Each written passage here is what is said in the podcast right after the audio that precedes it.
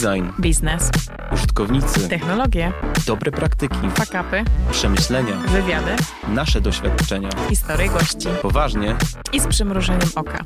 podcast Design i Biznes Zapraszam, Ilona Skarbowska. i Radek Rejser. To ósmy odcinek podcastu Design i Biznes. Jest takie powiedzenie wśród podcasterów, że jeżeli się przejdzie tą magiczną liczbę ośmiu podcastów, to znaczy, że w człowiekowi wyrabia się już ten nawyk, jest na tyle zmotywowany, aby nakrywać podcasty regularnie. Nasza dzisiejsza gościni ma na swoim koncie dużo, dużo więcej podcastów. Jest to aż 11 sezonów, a każdy z nich to około 10 odcinków. To naprawdę imponujące liczby i też aspirujemy do e, tylu odcinków. Bardzo się cieszymy, że przyjęła nasze zaproszenie, a dzisiaj rozmawiamy z Agą Szóstek. Myślę, że Agi nie trzeba nikomu przedstawiać. Dla nas jest to ważny odcinek, dlatego że Aga wychowała mnie i Ilonę na swojej piersi i myślę, że wielu, wielu projektantów. A poza tym Aga jest autorką dwóch książek: Strategia Umami oraz Leadership by Design. Aga stworzyła również SITSy, które są narzędziem, które pomagają projektować doświadczenia i usługi klienta. No i oczywiście strateżką i konsultantką doświadczeń. Cześć Aga, Cześć Aga. Cześć! bardzo miło nam Ciebie gościć. Och, bardzo mi miło, bardzo dziękuję za zaproszenie i strasznie fajnie Was zobaczyć po tak długim czasie. Strasznie dawno się nie widzieliśmy. Oj, dawno. Tak, Aga, no właśnie, my się znamy już trochę. E, Mieliśmy okazję z Tobą współpracować e, na uniwersytecie. Miałem też okazję partycypować przy tworzeniu Twojego pierwszego produktu, który się nazywa SITS, narzędzia do projektowania usług. Pamiętam ten czas bardzo, bardzo, bardzo dobrze i e, bardzo dobrze go wspominam. Co prawda był to czas na wariackich papierach, ale e, wiesz, ostatnio spadło mi e, w rękę zdjęcie, jak układaliśmy wydruki naszego MVP, gdzie układaliśmy właśnie pierwsze, nie wiem, 100 sztuk siców w takiej mm, małej, małej drukarni. Pamiętam ten zapach jeszcze tych e, wydruków. O kurczę. A pamiętasz, jak się okazało, że karty są o, o milimetr za szerokie i, i potem ten pan Łukasz, który nam drukował wszystko, zabrał, przyszedł do nas, sprawdził, myśmy nie mogli do pudełek tego powkładać i on przyszedł i nam przycinał wszystkie karty o milimetr, żeby one wchodziły nam do pudełek. To Tak. było niezłe. Tak, No. e, tak, to, że trafiliśmy na niego w takim czasie, to było po prostu dar z nieba. Genialne, no. Ale powiem ci, że ja ostatnio trafiłam, też robiąc jakieś porządki, trafiłam na taki, mieliśmy taki plik Excelowy, w którym wymyślaliśmy metafory do każdej historii, pamiętasz? E, I tam pisaliśmy, a do, do, do tego to będą jakieś kamyczki, a do tego to będzie jakiś słonik, a do tego to. I pamiętam, że to też tak sobie patrzyłam, mówię, o, ale mieliśmy tutaj kupę pomysłów fajnych. Tak, tak. No tak, to były pierwsze sicy, a potem zrobiłaś drugie sicy. Tak. tak, drugie sesji zrobiłam notabene, e, no ty już byłeś zajęty, e, Asia, ty Asia, e, Agata wyjechała, więc, więc trochę, trochę ta nasza ekipa już, już nie mogła się zaangażować, ale zrobiłam je tym razem z też koleżanką z e, ASP, z Dominiką Wysogląd. I drugie SITSy były, tak jak pierwsze SITSy były narzędziem do tego, żeby zadawać sobie pytania, które miały pomagać wymyślać pomysły. E, I historie, które tam były ujęte, miały za zadanie jakby inspirować i trochę też pokazywać firmom, że da się, bo często jest tak, no ale daj mi przykład, czy, czy ktoś już to na świecie zrobił, bo inaczej to nie my nie zrobimy. Znana historia, prawda? Benchmarkoza, tak zwane. Dokładnie. Dokładnie. No więc te karty były zrobione dokładnie po to, żeby wreszcie się ode mnie odczep- odczepili i przestali mi te pytania zadawać. E, A drugie sicy były, były o tym, że żeby, po, żeby na rynku zafunkcjonować w sposób, który jest wyjątkowy, to trzeba się czymś wyróżnić. E, Więc w związku z tym e, to był zestaw przymiotników, to jest e, 198 przymiotników. Mm, dłu- Długa historia, dlaczego nie 200, ale już nie chcę chodzi- wchodzić w szczegóły. E, I generalnie założenie było takie, że e, jak pracujemy na wyróżnikach i pracujemy na charakterze doświadczenia, które dana firma, dany produkt ma dostarczyć, no to fajnie by było powiedzieć i mieć jakiś wybór e, przymiotników, który pozwala na to, żeby żeby wybrać te, e, te wyróżniki, te cechy, którymi marka ma się charakteryzować, czy produkt ma się charakteryzować, czy doświadczenie. Bo jak nie miałam takiego narzędzia, to przychodziłam do klientów i okazywało się, że nagle e, siadamy i nikt nie pamięta żadnych przymiotników. Po prostu generalnie kończy się wszystko na fajny i słaby. Chciałem powiedzieć. I innowacyjny. O, innowacyjny, dokładnie. No, no, więc takie było założenie, żeby, żeby je stworzyć i faktycznie e, do dziś one bardzo, ja bardzo lubię z nimi pracować osobiście i, i dużo z nimi pracuję. E, I właśnie się śmieję, pamiętam takie spotkanie w jednej z dużych firm, gdzie zarząd siedział i wybierał te przymiotniki i dostali za zadanie, żeby to zrobić w 45 minut, bo tam byli podzieleni na pary, wybierali w tych parach i potem mieli zrobić, e, połączyć je w, jeden zbiór, no bo nie, nie, nie chodziło o to, żeby mieć 20, tylko żeby mieć 4 albo 5, no nie? No i była dzika, dzika awantura, która trwała półtorej godziny, żeby się dogadać, które wybrać i skończyło się, ja im powiedziałam, że mają wybrać tylko 5, ale skończyło się na 6. Nie było opcji, żeby wybrali 5. Ten jeden, ten jeden jeszcze. No tak, tak. SIC, jak y, wspomnieliśmy, były drukowane ale one były wydrukowane tuż przed tym, jak e, nastała pandemia i wszyscy zaczęli pracować online. Tak. Ale z sami da się teraz pracować również cyfrowo, prawda? Zdalnie. Notabene, notabene, bądźmy szczerzy, to był twój pomysł, Radek. Radek, Radek napisał do mnie, mówi, Aga, te twoje przymiotnikowe sicy muszą być, muszą być na Miro. Robimy na Miro. Wy, dobra, robimy na Miro. Tak powiedziałem, bo ich sam potrzebowałem. tak się domyślam. Tak, tak. No one świetnie działają i naprawdę polecam, jeśli, e, jeśli ktoś na przykład waha się przed tym, żeby kupić wersję taką fizyczną, to polecam tą wersję cyfrową. Naprawdę świetnie, świetnie działa, tak samo jak te wszystkie narzędzia cyfrowe do kolaboracji. Aga, napisałaś dwie książki. Czy będziesz już teraz tylko autorką i nie zobaczymy nigdy więcej sitsów? Nowych seedsów? o, to jest w ogóle, to jest ciekawe pytanie. Wiesz co, mam jedne, jedne karty w produkcji. To są karty, które też się nazywają, zresztą seedsy, chyba w ogóle rodzina tych seedsów nam powstała. E, notabene też tutaj od razu podkreślę, że logo seedsów to jest chyba, Radek, z tego co pamiętam, twój projekt. Tak. Dobrze tak, pamiętam? No, tak. bardzo go lubię i bardzo go często używam. I mam koncepcje na kolejne karty i już nawet dużo jest materiału przygotowanego pod nie. E, one się nazywają, to są sicy głębokie potrzeby. One generalnie pewnie by już powstały, no ale mieliśmy pandemię. No i generalnie robienie narzędzi e, papierowych, drukowanych e, w czasie pandemii, to taki był, wydawało się, nie najmądrzejszy pomysł. Nie mówiąc o tym, że tak naprawdę e, w tym czasie jednak najpierw kończyłam pisać pierwszą książkę, potem kończyłam pisać drugą książkę. No i trochę mi zabrakło energii i czasu na to, żeby jeszcze te, te karty dokończyć. Natomiast one chodzą za mną i widzę, jak bardzo się przydają, bo korzystam z nich sama w takiej trochę bardziej bardziej okrojonej formie, e, więc myślę, że to jest jakiś tutaj, jest duża szansa na to, że one wrócą i że powstaną i że będą i że będzie można z nich korzystać. Mhm. Sicy, który, tak powiedziałeś, że korzystasz e, teraz z tych siców, które być może powstaną. No przecież sicy, te pierwsze sicy w prototypie też były używane przez ciebie chyba parę lat nawet. Uhu, dokładnie. W ogóle było tak z pierwszymi sicami, że, że najpierw stworzyłam tych kart może z 15 i faktycznie były takie papierowe, e, wydrukowane u mnie na drukarce. Potem zrobiłam, e, potem we współpracy z e, agencją Play, Zrobiłam wersję, w której było ich chyba ze 400, co było, nie, z 200, to było w ogóle zdecydowanie za dużo. E, I były takie, no powiedziałabym, znaczy bardzo fajnie były zaprojektowane, natomiast treści były niedopracowane i tak dalej. Mm, I też wszyscy powiedzieli, że one są bardzo fajne, ale no nie 200 może jednak, może jednak troszkę mniej. I dopiero w tej trzeciej rundzie, faktycznie po a, za czterech latach albo pięciu, e, dopiero myśmy siedli do tego i faktycznie po naszej przygodzie uniwersyteckiej w ramach złapania oddechu projektowego zrobiliśmy, zrobiliśmy te karty. To jeszcze e, troszkę wspominek, dlatego że przypomniało mi się ostatnio, jak na uniwersytecie próbowaliśmy kręcić wideo z tobą. I pamiętasz to? Pamiętam. I pamiętam pierwsze pytanie, które to miało być takie krótkie wideo, na których ty mówisz e, na temat e, różnych rzeczy związanych z projektowaniem. I pamiętam e, pierwszy temat, był to temat dotyczący narzędzi projektowych, warsztatowych. I pytanie padło, czy używać tych samych sprawdzonych narzędzi, czy może jednak tworzyć je na nowo. I pamiętasz, co powiedziałaś wtedy?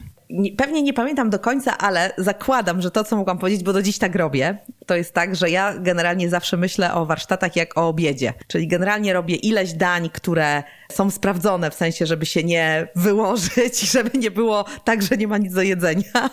Natomiast zawsze jest jeden eksperyment albo dwa. I jeżeli nawet te eksperymenty padną, no to jestem w stanie tą resztą jakby ukryć tą, tą, tą, tą wpadkę.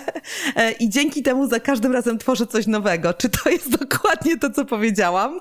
W naszym podcaście bardzo lubimy metafory związane z jedzeniem i właśnie idealnie wpisałaś się w to, porównując um, przygotowywanie narzędzi do obiadu. Ja, korzystając dalej z tej metafory, właśnie myślę o obiedzie jako o pewnym eksperymencie, ale zwykle ze składników, które znam i wiem, jak się zachowują. I każdy z nas pewnie będzie miał trochę inne podejście do tego, jak ugotować obiad, ale na koniec chcemy osiągnąć pewien efekt konkretny. Tak samo w warsztatach mamy konkretny efekt i bierzemy te narzędzia, czy też składniki, które mamy pod ręką i które znamy, i albo je przerabiamy, bo chcemy coś innego, albo właśnie korzystamy z gotowego przepisu.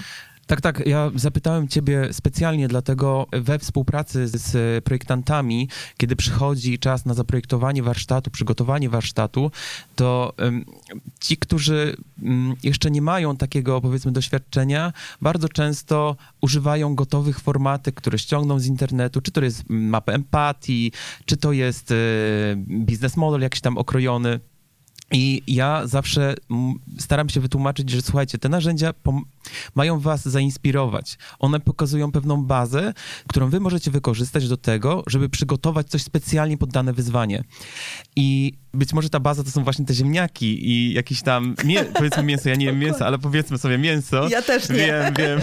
A, ale to, jak je ubierzemy, jak je upieczemy, jak je pokroimy, to już jest jakby, zależy, zależy od tego kontekstu, od celu warsztatu, tak, co chcemy wypracować. I, I też z drugiej strony, mówię to też naszym klientom, którzy, tym klientom, którzy chcą właśnie tych odwołań do rozwiązań, które już są sprawdzone, ci, którzy chcą benchmarków. Czasami mamy taką sytuację, że klienci przychodzą do nas, no ale y, przygotujcie, jakby pokażcie mi, jakie firmy inne używają jakich narzędzi i ich te I wykorzystujcie. Jak odniosły sukces, też tak, tutaj pada. Tak. Pokażcie Ach, mi tak, firmy, no, które odniosły sukces, które zrobiły to samo, co wy proponujecie.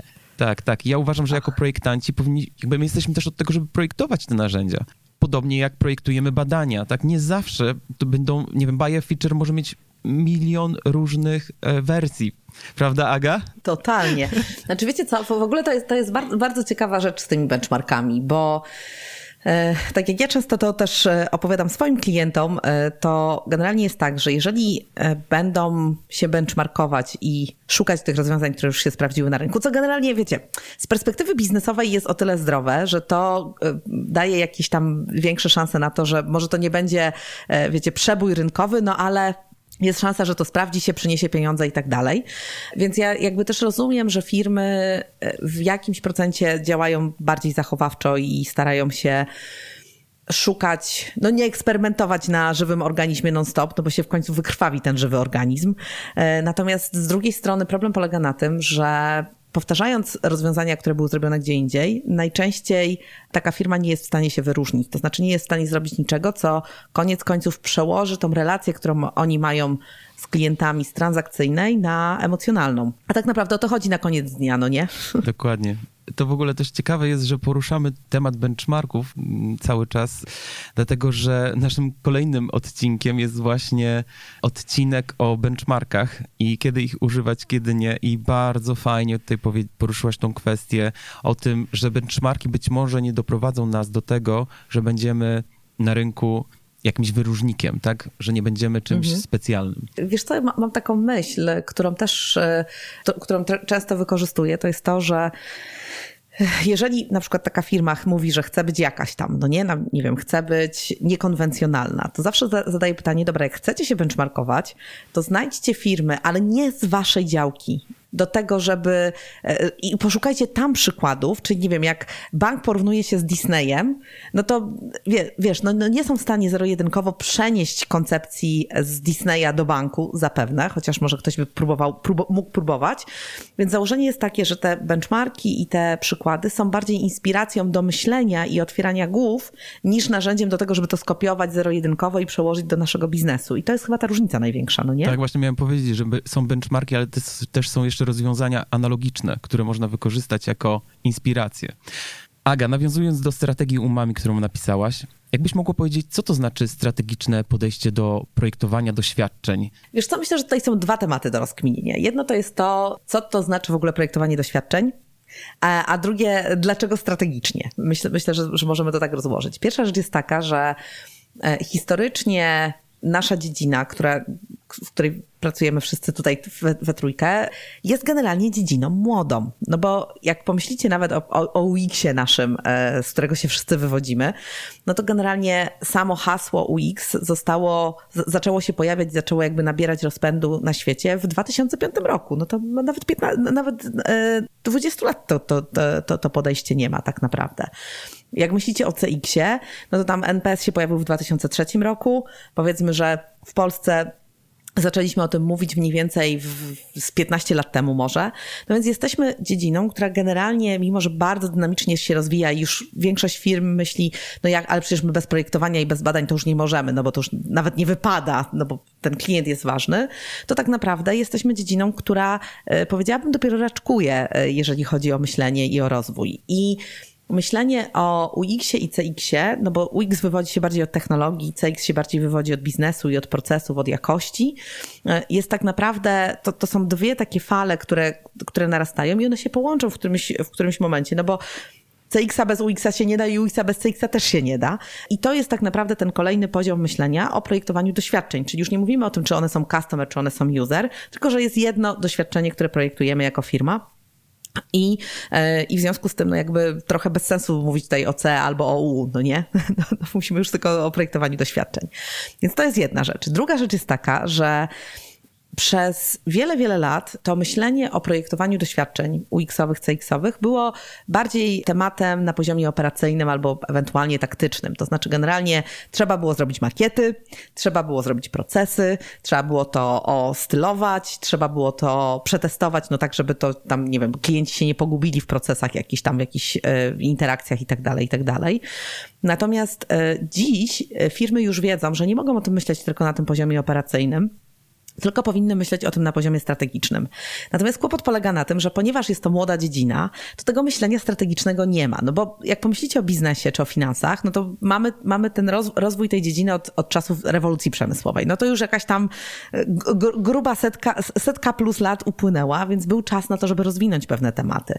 W przypadku naszych, naszych działek tak nie jest. No więc w związku z tym, tym narzędziem, które jest dziś używane najczęściej jest Net Promoter Score, czyli NPS, który jest problematyczny, bo chociaż odrobił bardzo dobrą lekcję i tutaj trzeba mu absolutnie oddać cześć i chwałę za to, że wprowadził w ogóle dyskusję o projektowaniu doświadczeń i o doświadczeniu klienta na poziom strategiczny, no to jednak jest bardzo takim, powiedziałabym, temp, tempą siekierą do rąbania cienkich, wiecie, do, do rzeźbienia w drewnie trochę, jakbym tu mogła to porównać, no nie? E, więc w związku z tym, no, taki grubo ciosane wychodzi to doświadczenie i, i, i ono jakby też nie jest charakterystyczne, nie jest, nie jest czymś, co co jest wyjątkowe dla, dla danej konkretnej firmy, tylko się mówi, no dobra, generalnie powinniśmy myśleć o tym, żeby tych klientów co najmniej nie wkurzać.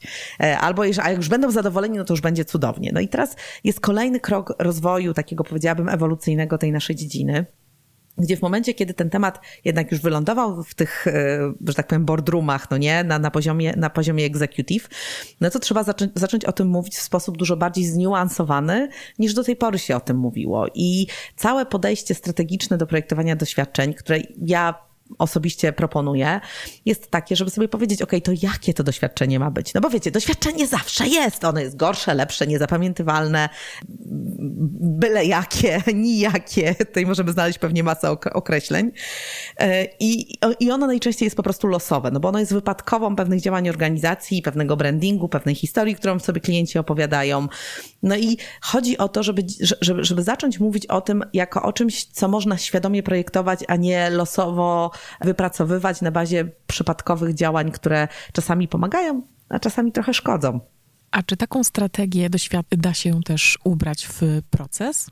Zdecydowanie. Znaczy nie, nie, nie, samą strategię, tylko, no bo strategia znaczy, jest strategią, tak, no nie? ale proces bardziej. wypracowywania. tak, dokładnie.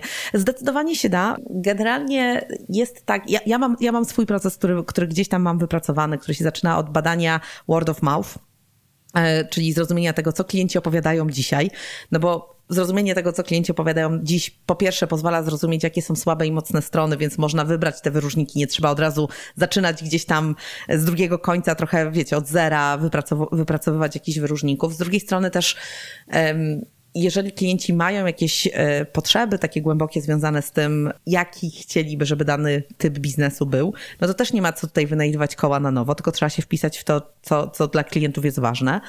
I potem generalnie to, to, to, to wypracowuje się wizję wyróżniki metryki i te metryki pozwalają na to, żeby właśnie znowu na, na bazie zmiany w tym, co klienci opowiadają o danej marce, o danym produkcie, patrzeć, czy te wyróżniki i ta wizja jest faktycznie zauważana przez klientów. No bo wiesz, można się narobić i napracować i zrobić masę projektów, natomiast klienci powiedzą, ja nie widzę różnicy specjalnie, dalej jest tak samo jak było, no to znaczy, że wyróżniki nie są wyróżnikami, no co to dużo kryć. Tak, myślę, że tutaj powiedziałaś bardzo ważną rzecz, którą też zdarza nam się słyszeć, to znaczy klienci chcą poprawy doświadczenia.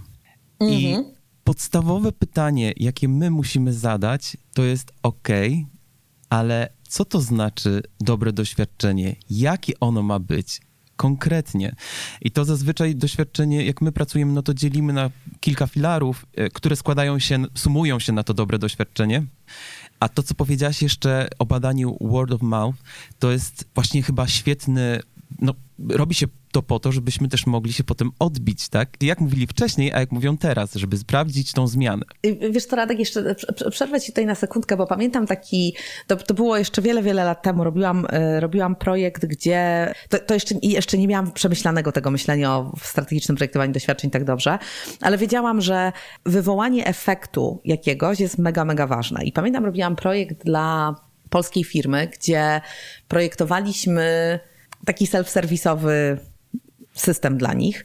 I pamiętam właśnie, że wypracowaliśmy trzy, na bazie badań, wypracowaliśmy trzy e, podejścia. E, właśnie jedno miało być takie niezależne, jedno miało być opiekuńcze, a jedno miało być takie lekkie prowadzenie za rękę. No wiecie, to są takie dosyć powtarzalne rzeczy, no bo część ludzi chce, żeby, żeby się nimi zaopiekować, część chce po swojemu, a część chce, chce po swojemu, ale chce wiedzieć, że tam wiecie, ktoś ten kijek za tym rowerem trzyma, no nie? No i, i pamiętam, że zrobi, zrobiliśmy trzy naprawdę bardzo różne e, prototypy. To były szkice, szkice takie prototypy, makiety rysowane. Zanieśliśmy to do użytkowników i daliśmy im nie pamiętam, czy 10, czy 12 różnych określeń. Właśnie i w miksie były te wszystkie nasze, które były dla nas ważne. I prosiliśmy tych naszych użytkowników, żeby wybierali określenia, które opisują ten konkretny prototyp. I okazało się, że idealnie wyszło nam, że bardzo fajnie wpisaliśmy się w te potrzeby, ale też mieliśmy argumenty, żeby powiedzieć: hej, słuchajcie, jeżeli chcecie pójść w opiekuńczość, to ten prototyp. Jak chcecie pójść w niezależność, to ten. To trochę jest wasza decyzja, jak chcecie rozwinąć to doświadczenie, ale macie tutaj możliwości wyboru, które są przebadane, ale nie tylko pod kątem użyteczności, tylko też pod, pod kątem tego postrzegania e, tego, jak taki, tak, taka interakcja, taki pomysł na, na, na, na projekt jest postrzegany. Właśnie, bo ta użyteczność może sprawiać tylko, że użytkownik przejdzie ścieżkę bez problemów, co nie sprawi, że zapamięta doświadczenie, prawda? Może zapamiętać o, doświadczenie, tak. jeśli nie przejdzie, ale tego nie chcemy, uni- no tego chcemy uniknąć, bo prawdopodobnie stracimy jeszcze kilku innych użytkowników potencjalnych, bo, bo zacznie o tym mówić, prawda, że coś mu się nie udało, że coś go wkurzyło. Dokładnie, jeśli chcemy budować doświadczenie, które będzie zapamiętywalne, to musimy bu- budować takie doświadczenie, które będzie sprawiało, że użytkownik będzie bardzo zadowolony. Wiesz co, generalnie absolutnie masz rację. Y, jeszcze, jeszcze wrócę do tego, tego opowiadania negatywnych historii. Zrobiliśmy lata temu takie badanie, gdzie patrzyliśmy na to, jakie, y, jak, jak długo i jak często ludzie opowiadają pozytywne i negatywne historie. No i okazało się, że tak jak pozytywne historie mają, ja się śmieję, datę przydatności do spożycia i ta data to jest tak około roku, czyli jeszcze przez rok to jeszcze opowiadamy taką pozytywną historię, to negatywne historie nie mają daty przydatności do spożycia. Mieliśmy historie, e, które były opowiadane sprzed 8 lat, sprzed 9 lat i były opowiadane tak, jakby, jak, jakby ta osoba przeżyła ją wczoraj. Co więcej, e, to co było, co było bardzo jasne z tego badania, to to, że pozytywne historie opowiada się tam mniej więcej 5-6 osobom średnio i opowiada się generalnie bliskiej rodzinie, przyjaciołom i tak dalej. Historie negatywne średnio opowiada się 11-12 i generalnie opowiada się wszystkim, którzy chcą słuchać. Więc wiecie, no ta skala jest ogromna. Jak się spartoli taki temat i źle zrobi, e, z, zrobi właśnie jakiś prototyp, to koszt e, tej historii negatywnej e, jest no, on jest dzisiaj nieliczony, prawda? Ale może powinien być e, liczony jako taki właśnie zwrot z inwestycji. Tak, a jeszcze jedną rzecz chciałbym tutaj powiedzieć, to to, że użytkownicy są w stanie wybaczyć produktowi, jeśli powiedzmy takie, jeśli na ścieżce użytkownika, na interfejsie coś będzie nie do końca czytelnego, nie będzie łatwo to y, pokazane, podane, ale jeśli ostatecznie produkt spełni oczekiwania, jeśli chodzi o tą konkretną propozycję wartości, tą obietnicę, tak? Czyli na przykład zamawiam sobie, e, nie wiem, perfumy i powiedzmy ciężko mi jest to zamówić, nie wiem, przejść do płatności, ale te perfumy do mnie przyjdą i one będą super, no to użytkownik jest w stanie tutaj wybaczyć marce, bo ostateczna jakby ta obietnica została spełniona. Wiesz co, yy, i tak i nie, mm -hmm. bo generalnie to, jak my zapamiętujemy doświadczenia, to jest taki moment najwyższej, najwyższej emocji i mhm. zakończenie. To jest to, jak my zapamiętujemy doświadczenia. To jest funkcja naszego mózgu. Nie chcę wchodzić tutaj w całą neurobiologię z tym związaną. E, I generalnie jest tak, że jeżeli dostali to, to, to te perfumy, o których mówisz, to oczywiście i jeszcze one były fajnie zapakowane, tam może to jeszcze było jakieś, wiecie, takie, że, otwierało się jak prezent, no to generalnie ten, ten koniec, ten end jest dobrze zaprojektowany. Natomiast jeżeli jest tak, że proces był na tyle trudny, że ta frustracja w pewnym momencie bardzo mocno narosła, no to to będzie, to, to będzie takie trochę, wiecie, bitter sweet po angielsku się mówi, no nie, to, to, to będzie takie mieszane, mieszane uczucie. Więc w związku z tym to, co jest ważne, to to, że mm, oczywiście konieczne jest to, żeby rzeczy, które są problemami użytecznościowymi rozwiązywać. Natomiast samo rozwiązanie, tylko i wyłącznie rozwiązanie problemów użytecznościowych nie zbuduje wyjątkowego doświadczenia. To jak ja o tym z reguły mówię, to mówię o tym, że jak się buduje doświadczenia, to trzeba usypywać górki, a przy okazji zasypywać dołki. A nie tylko zasypywać dołki, bo to często tak firmy mówią, my musimy najpierw naprawić bazę, a potem będziemy robić doświadczenie. no nie, moi drodzy, bo generalnie będzie tak, że rynek będzie ciągle rósł, no bo wasza konkurencja będzie wprowadzała coraz to nowe rzeczy, więc wy ciągle będziecie gonić tego nieszczęsnego króliczka e, i nigdy nie zaczniecie budować własnego doświadczenia, czyli nigdy się nie wyróżnicie na rynku, czyli będziecie zawsze w tej masie, e, która jest w tej relacji transakcyjnej, z której się wybiera na bazie ceny. Mhm. No to jest bez sensu. W, wiesz, o czym ja myślę konkretnie? Myślę o tym, mm, o takim case'ie HBO, który, który omawialiśmy na naszym podcaście już, który dostarcza fantastyczny content po prostu, a, a, ma tak fatalną aplikację, jeśli chodzi o user experience, że ojejku, no... Ale tak sobie myślę, Tragedia. Radek, że właśnie o tym mówisz, że jesteś zadowolony z tego kontentu, czyli porównując do tych perfum, jesteś zadowolony z tego produktu ostatecznego, ale cały czas masz z tyłu głowy, że jednak ta aplikacja jest fatalna i ja mam coś takiego, że jak otwieram aplikację y, właśnie HBO, to myślę sobie, o Boże, jakby muszę przez to przebrnąć, żeby odpalić ten film, który chcę zobaczyć i już mi się, już jestem nastawiona negatywnie, trochę najeżona, że tą aplikację otwieram. Tak. Co więcej, ostatnio kupowałam nam szkolenie, pamiętasz, w zeszłym tygodniu, od kogoś, kogo bardzo cenię i kto ma bardzo dobrze zbudowaną markę osobistą. No i kupuję to szkolenie, kupuję dwa szkolenia, dla mnie i dla Radka. I nie ma nigdzie możliwości wpisania jakby tego drugiego uczestnika szkolenia. Mówię, no dobra, okej. Okay. Trochę się już zaczynam denerwować, no bo wiem, że to będą dwie osoby, ale myślę sobie, no w sumie w PKP Intercity też wpisuję jedno nazwisko i wszyscy jedziemy na jednym bilecie, to jadę dalej. Ja kupiłam to szkolenie, po czym dostałam dostęp do panelu szkoleniowego i wtedy zapaliła mi się taka wielka czerwona lampka, że ja nigdzie nie podam twojego maila, ty tego nie dostaniesz, czy oni w ogóle mi pomogą, czy ja mogę im napisać maila, czy oni mm. cię tam dodadzą. I przez to, że mm, było tyle czerwonych flag, to automatycznie to zrzutuje na wizerunek tej osoby, która mi to sprzedała. Ja już trochę, mm, trochę mam mniej zaufania, już trochę sobie, no to nie jest w sumie takie do końca profesjonalne i mimo tego, że cały czas ją cenię, to myślę o tym doświadczeniu, no właśnie negatywnie. Ja pamiętam dokładnie to, jak to wyglądało. Jestem ciekawa, ile czasu będę opowiadać tą historię. Ale, ale pytanie, jeszcze nie zakończyłaś tego doświadczenia, bo te szkolenie się jeszcze nie odbyło. W przypadku HBO ja cały czas korzystam z tej aplikacji, bo content, jaki dostarcza, filmy są tak dobre, że mi nie przy, jakby ten ból tego, że ja muszę obsłużyć tą aplikację jest no, w porównaniu z tą wartością, którą dostarczają, jest niski. I teraz tak, to rozmawialiśmy o tym w e, ostatnim podcaście, że jest obietnica, rozwiązanie i wartość. I rozwiązanie może być kiepskie, ale wartość, jaką to dostarcza, równa się z obietnicą, więc, a może nawet jest y, ta wartość większa, jest fantastyczne w przypadku HBO. Natomiast y, zobaczymy, jak będzie na szkoleniu. No, wiecie co, powiem, powiem wam jedną rzecz, bo wy, wy, pewnie mniej pamiętacie te czasy, ale ja pamiętam właśnie czasy bardzo wielu firm, które były monopolistami na rynku czyli na przykład, nie wiem, Philips, IBM, Microsoft i tak dalej, i tak dalej.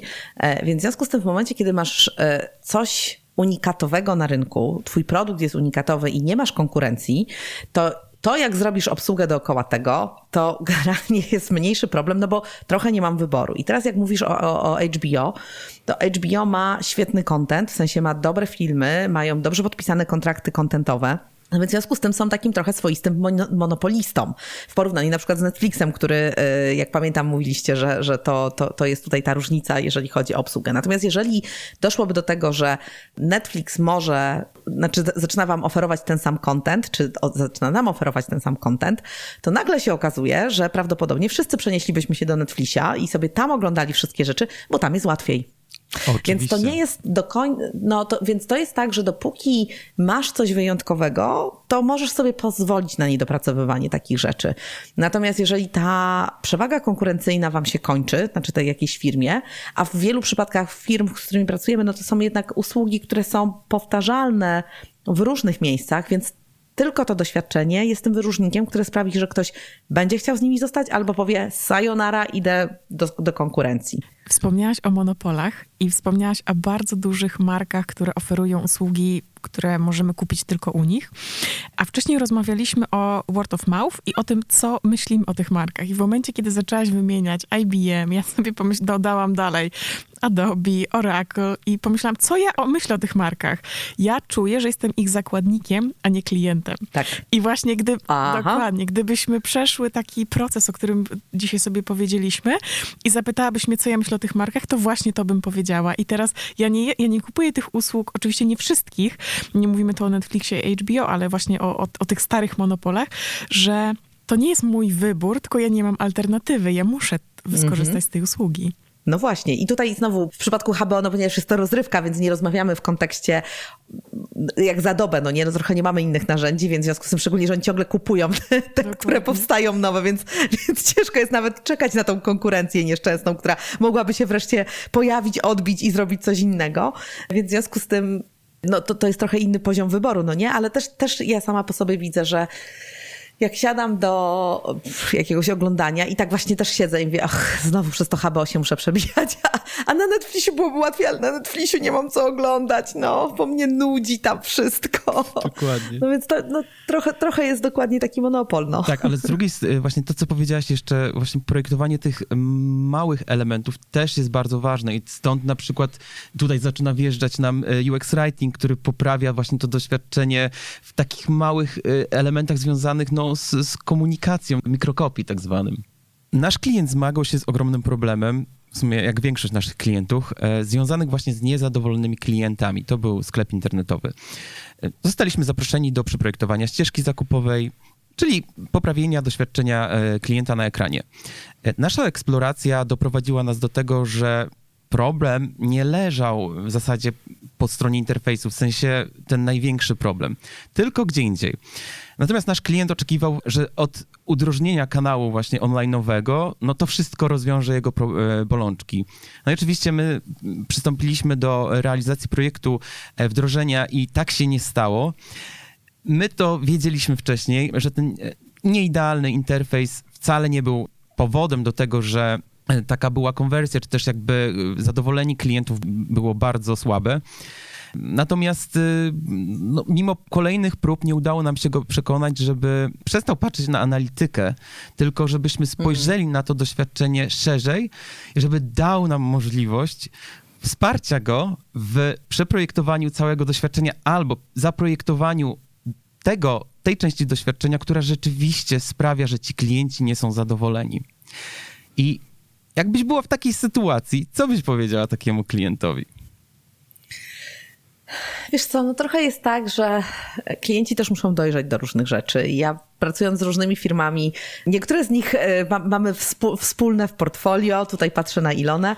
Generalnie widzę, że firmy dojrzewają przez lata, a nawet powiedziałam, że przez dekady. I być może, tak szczerze mówiąc, to bym sobie pomyślała, że ten wasz klient nie miał specjalnie chyba jeszcze wystarczająco dużego problemu, żeby tak naprawdę się zastanowić, co, nad, czym, nad, nad czym powinien się skupić.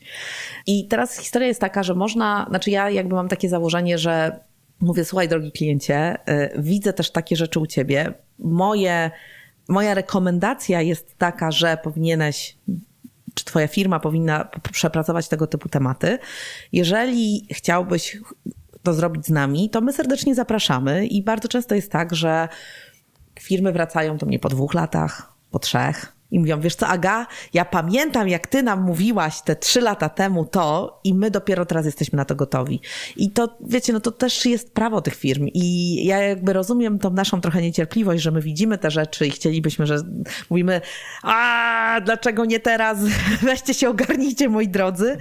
Ale no, oni, oni też mają, mają prawo do swojego tempa rozwoju i, yy, i wydaje mi się, że zostawienie ich z taką z takim e, powiedzeniem, słuchajcie, my was nie będziemy do niczego zmuszać, natomiast zostawiamy wam pointery, zróbcie to z nami, zróbcie to z kimś innym, w zależności od tego, jak chcecie, buduje taką relację e, zaufania w tym sensie, że, że klienci mówią, a oni no nie wpychali mi tego jako kolejnego projektu, jak ja nie miałem pieniędzy, bo to często jest też taka rozmowa pod tytułem, no dobra, zrobiliśmy projekt A, nie stać nas na projekt B, e, a oni nam mówią, że powinniśmy zrobić projekt B, a ten projekt A nie przyniósł tego zysku, na, na, na który liczyliśmy. Więc w związku z tym zostawienie tego też jako ich wolnej woli i ich wyboru, kiedy, kiedy będą na to gotowi, buduje inny typ relacji według mnie, taki właśnie bardziej partnerski niż podwykonawczy, mm -hmm. chyba bym to tak porównała. Ja chciałbym w ogóle powiedzieć, że twoja książka na pewno wiele takich dyskusji wykluczyła, bo e, my sami, to jest e, z naszego życia, używamy twojej książki jako taki dwu, wow. ponad 200 chyba stronicowy argument, żebyśmy właśnie to robili. O, cudownie. I, Aga Szust... Bardzo dobrze, bardzo dobrze. Po to było to napisane. Dokładnie, także Aga Szóstek jest najsilniejszym argumentem i strategia umami. Ja bym chciał jeszcze, Och, to super. jeszcze jedną rzecz, myślę, która bardzo trudna jest do zrozumienia e, klientowi, to jest to, jak mierzyć albo dlaczego warto mierzyć to, co mówią o nas klienci i to, co mhm. mówią, e, właśnie jak opowiadają o nas historie, jakie te historie opowiadają. Szczególnie ci klienci, którzy mówią, no ja chcę to zobaczyć na liczbach, tak?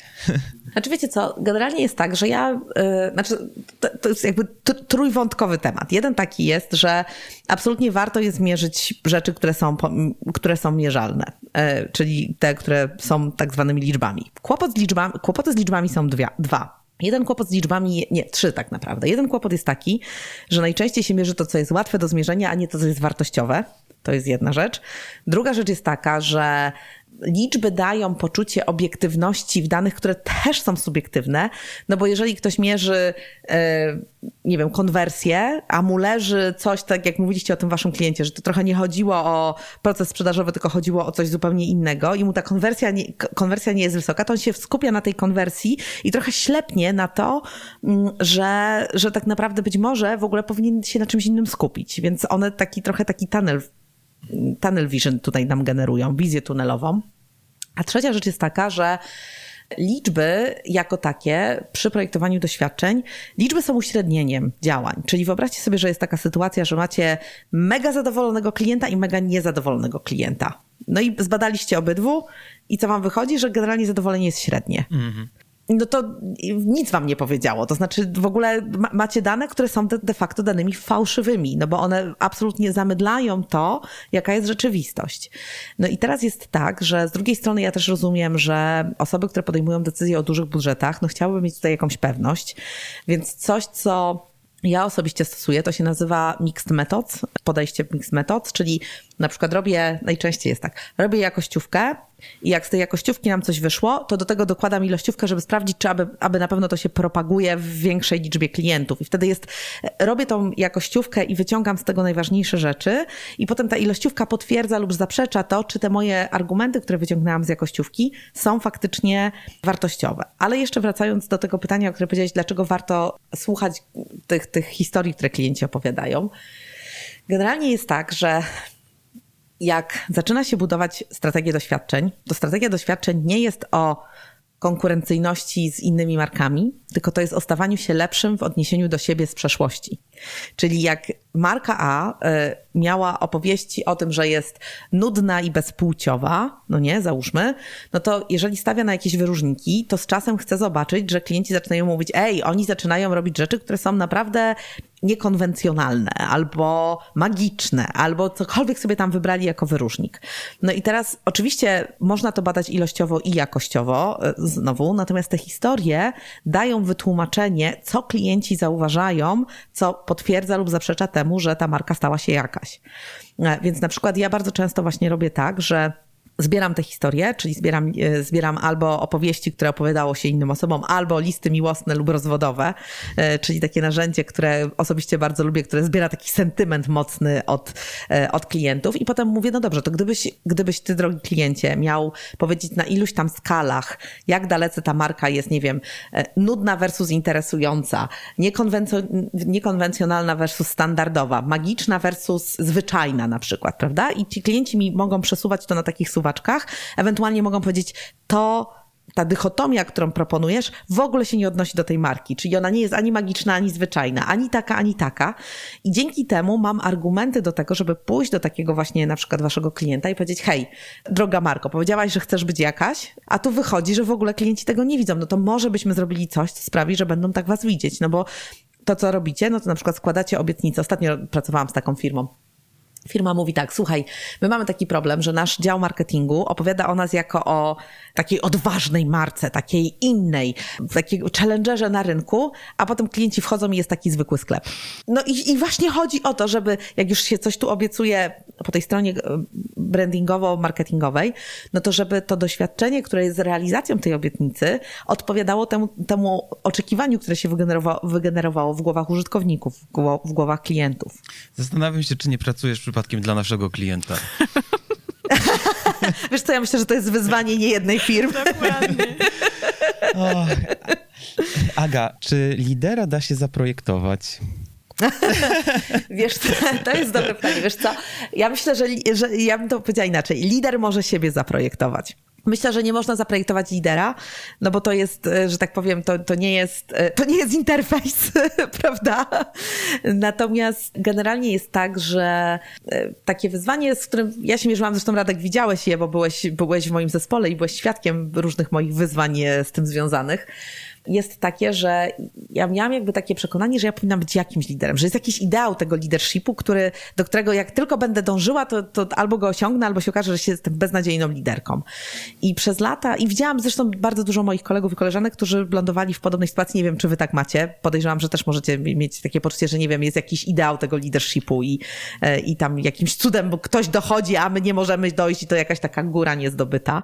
E, natomiast to, do, do czego doszłam, to doszłam do wniosku w pewnym momencie, że tak naprawdę to, jakimi liderami jesteśmy, to determinuje bardzo, bardzo mocno to, kim jesteśmy my jako ludzie, na jakim etapie rozwoju jesteśmy, ale też kontekst, w którym jesteśmy.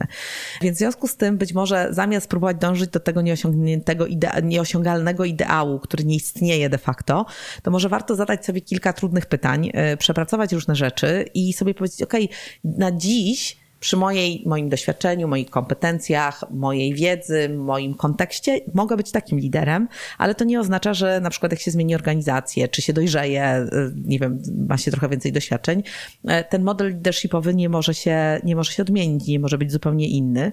I tutaj taką myślą przewodnią jest to, że z tych modeli, modeli przywództwa, które gdzieś tam są, których są jakieś dziesiątki tysięcy, jak nie setki, warto jest czerpać, natomiast nie próbować się w nie wepchnąć jak w taki, wiecie, niedopasowany garnitur. Ja myślę, że też e, ważną rzeczą jest to, z, kim się pracuje i dla kogo się jest liderem. Tak jak powiedziałaś, kontekst, ale dla mnie ten kontekst to bardzo często jest, są ludzie.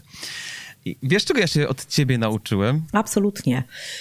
Yy, nauczyłem się od ciebie tego, że żeby czerpać, żeby ludzie mogli czerpać sami z siebie to, co jest najlepsze. Można im wskazywać drogę, ale rozwiązanie tych problemów leży po ich stronie i my ewentualnie możemy ich gdzieś tam popchnąć.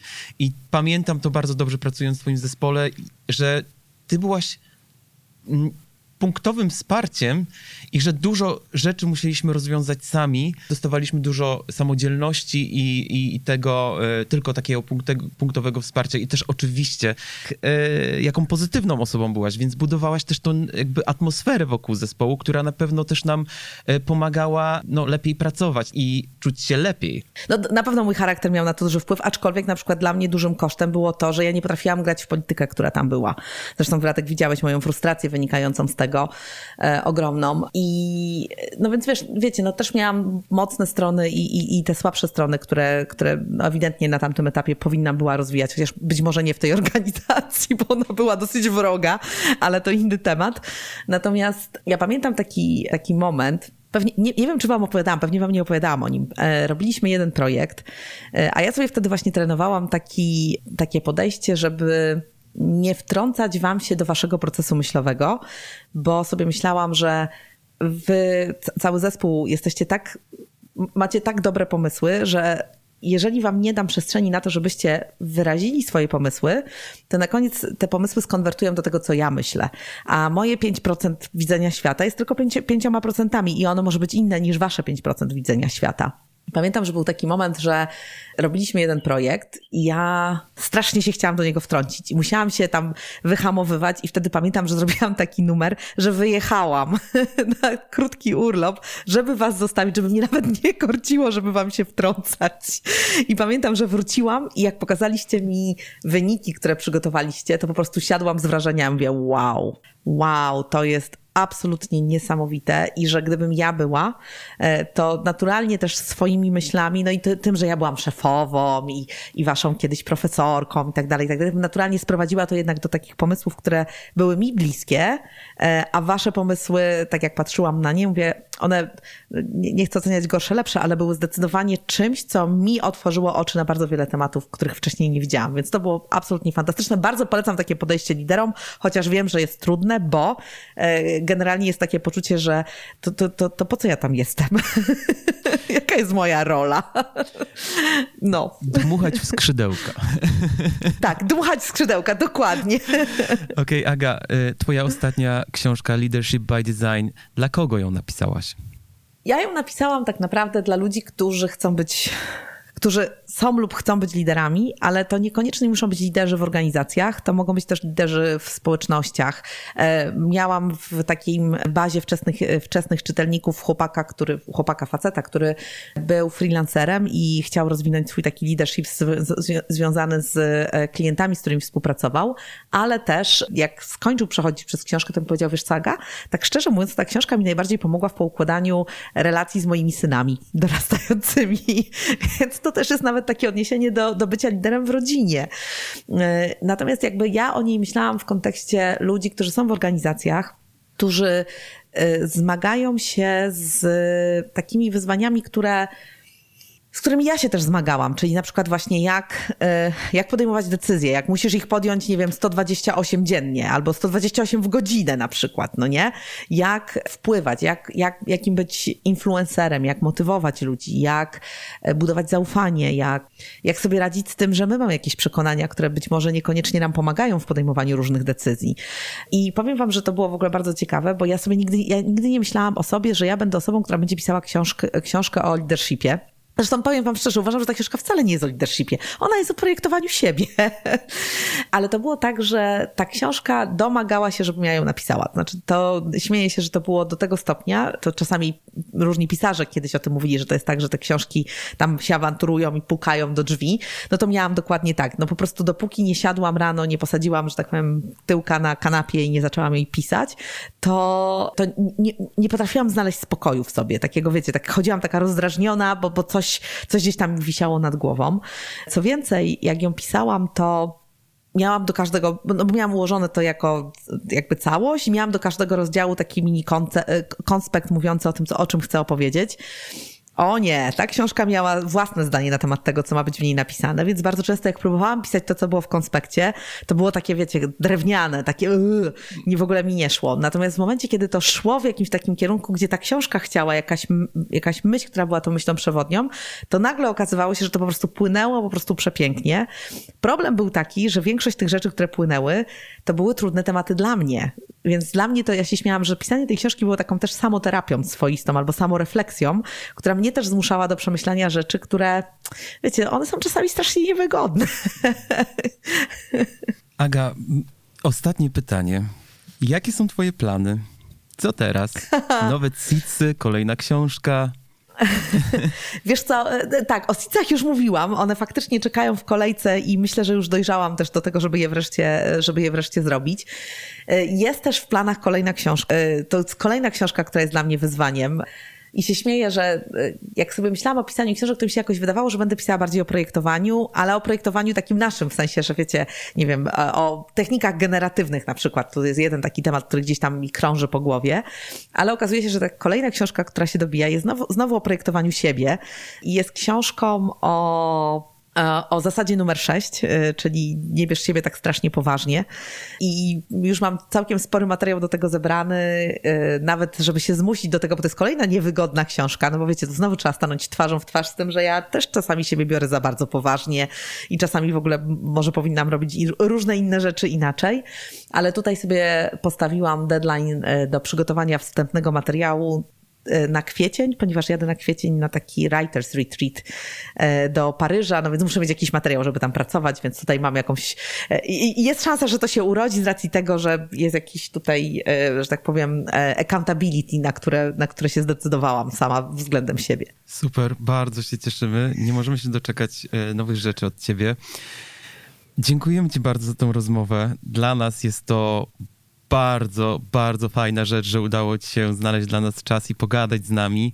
Cenimy ciebie oczywiście jako ekspertkę, ale przede wszystkim jako człowieka i cieszymy się, że mieliśmy okazję z tobą pracować. Życzymy ci wszystkiego dobrego i do zobaczenia, mam nadzieję, w końcu. Właśnie, słuchajcie, ja też w ogóle jestem waszą ogromną fanką i, i mam nadzieję, że, że w ogóle po pierwsze wam się mega uda i że będziecie robić te projekty, które są projektami opartymi o projektowanie doświadczenia, nie tylko UX-a, tak zwanego. I mam nadzieję, że uda nam się coś wspólnie zrobić i trzymam za was mega kciuki i powodzenia i bardzo dziękuję za zaproszenie. Łezka mi się zakręciła. Mega miłe, dzięki. Do zobaczenia.